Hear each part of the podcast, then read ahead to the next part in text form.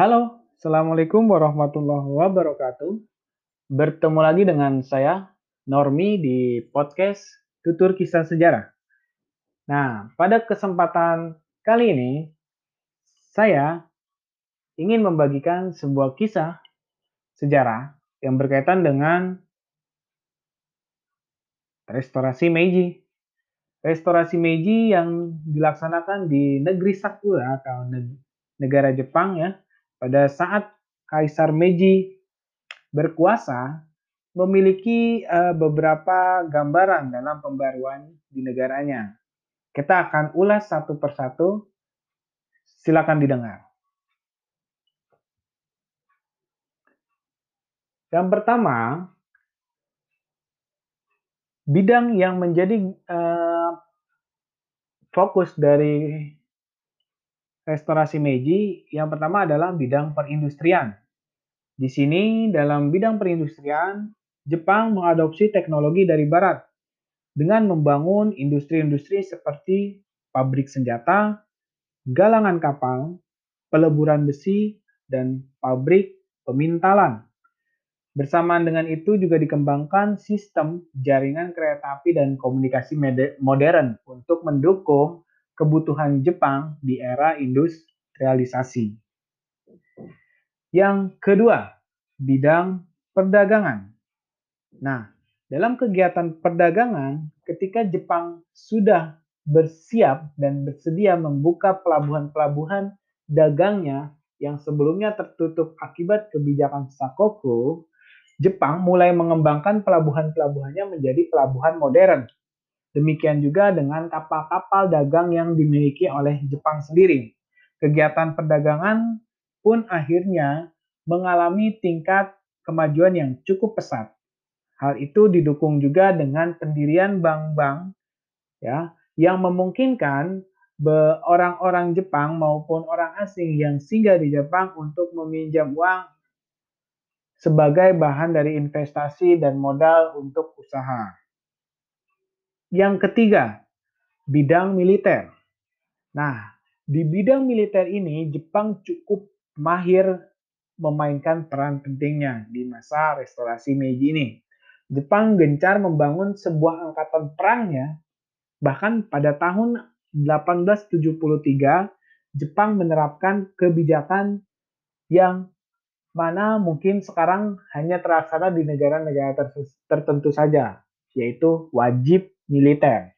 Nah, bagi setiap laki-laki yang berumur 21 tahun, untuk jangka waktu 4 tahun dan diikuti dengan tiga tahun sebagai tentara cadangan, mereka diwajibkan untuk mengikuti uh, pendidikan militer sebagai bagian daripada penguatan terhadap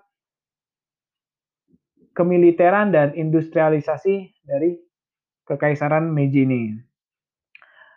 Dan di sisi lain, selain untuk mengembangkan SDM, Jepang juga memajukan dalam sektor sarana dan prasarananya dengan membeli peralatan dan perlengkapan militer dari negara-negara barat tentunya.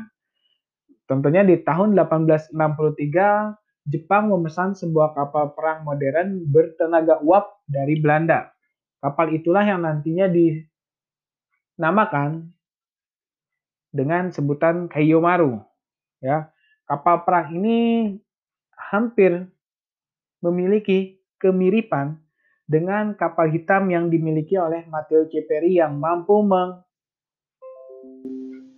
yang mampu menghancurkan uh, kekuatan benteng pertahanan Jepang ketika kebijakan Sakoku diterapkan. Nah, dalam pelayaran pertamanya ke Jepang, sesuai pembuatannya ikut serta juga 16 orang dari mahasiswa angkat, angkatan Laut Jepang ya dalam akademi pendidikannya yang dikirim ke Belanda untuk mempelajari segala sesuatu yang berhubungan dengan ilmu kelautan. Sehingga suatu waktu ilmu yang didapatkannya bisa diterapkan bagi kemajuan militer Jepang. Kemudian yang keempat, dalam bidang pendidikan. Jepang nerapkan wajib belajar bagi seluruh generasi muda bangsanya. Mereka dididik memiliki rasa cinta tanah air, semangat pantang menyerah, kemudian berani mati, atau yang lebih dikenal di Jepang dengan istilah Bushido, serta hormat dan tunduk kepada kaisar. Nah, ajaran ini didasari oleh apa yang pernah dilakukan oleh para samurai atau tentara Jepang di masa lalu. Pemerintah Jepang juga mendukung beberapa rakyat atau siswa yang ingin melanjutkan atau yang ingin menimba ilmu di negara-negara lain.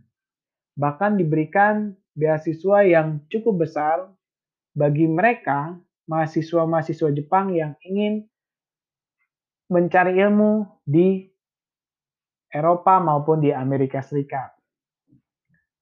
Tidak hanya itu, mereka juga mendatangkan, Jepang juga mendatangkan konsultan-konsultan pendidikan dari Barat untuk membantu pendidikan Jepang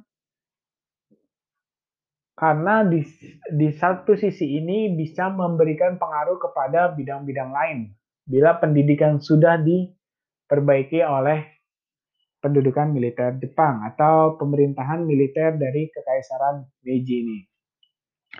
Yang kelima dalam bidang sosial.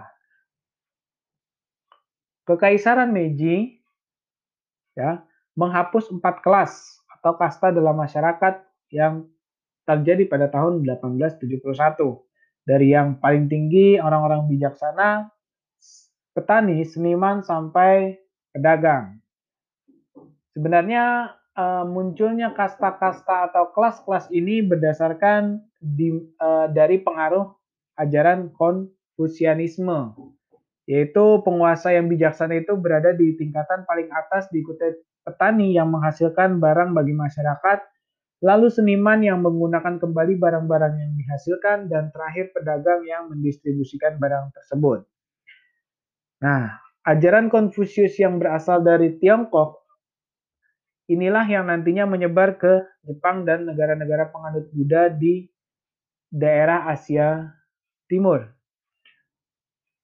Penghapusan ini menjadi bagian dari kebijakan umum Meiji untuk menghapus feodalisme tradisional di mana kekuasaan berada di tangan-tangan tuan tanah atau daimyo dan menggantinya dengan kekuasaan terpusat. Pemerintah juga melarang adat istiadat yang bersifat feodal. Peninggalan masa lampau seperti memperlihatkan dan memakai katana dan kimono yang menjadi ciri khas kelas samurai yang telah dihapus bersamaan dengan dihapusnya sistem kasta. Dan yang terakhir dalam bidang hukum, sistem hukum dan konstitusi Jepang mengikuti model dan sistem hukum serta konstitusi dari negara Jerman. Hal ini juga berasal dari bagaimana misi Iwakura yang terjadi sebelum uh, atau setelah terjadinya kebijakan Sakoku, ya, di mana pada misi Iwakura mereka melakukan pelawatan uh, kerjasama, kemudian pencarian informasi di negara-negara Eropa, salah satunya di Jerman ini. Nah, sebagai akibat dari perkembangan industrialisasi itu, Jepang kemudian menjadi satu-satunya kekuatan besar negara non-barat di dunia, sekaligus kekuatan utama di Asia Timur dan Asia Tenggara dalam waktu 40 tahun. Oke, itulah yang bisa saya bagikan kisah sejarah di mana pengaruh-pengaruh Kekaisaran Meiji pada masa restorasi Meiji di berbagai bidang. Sampai bertemu di podcast tutur kisah sejarah selanjutnya. Salam semangat, salam sejarah. Sampai bertemu di lain kesempatan. Assalamualaikum warahmatullahi wabarakatuh.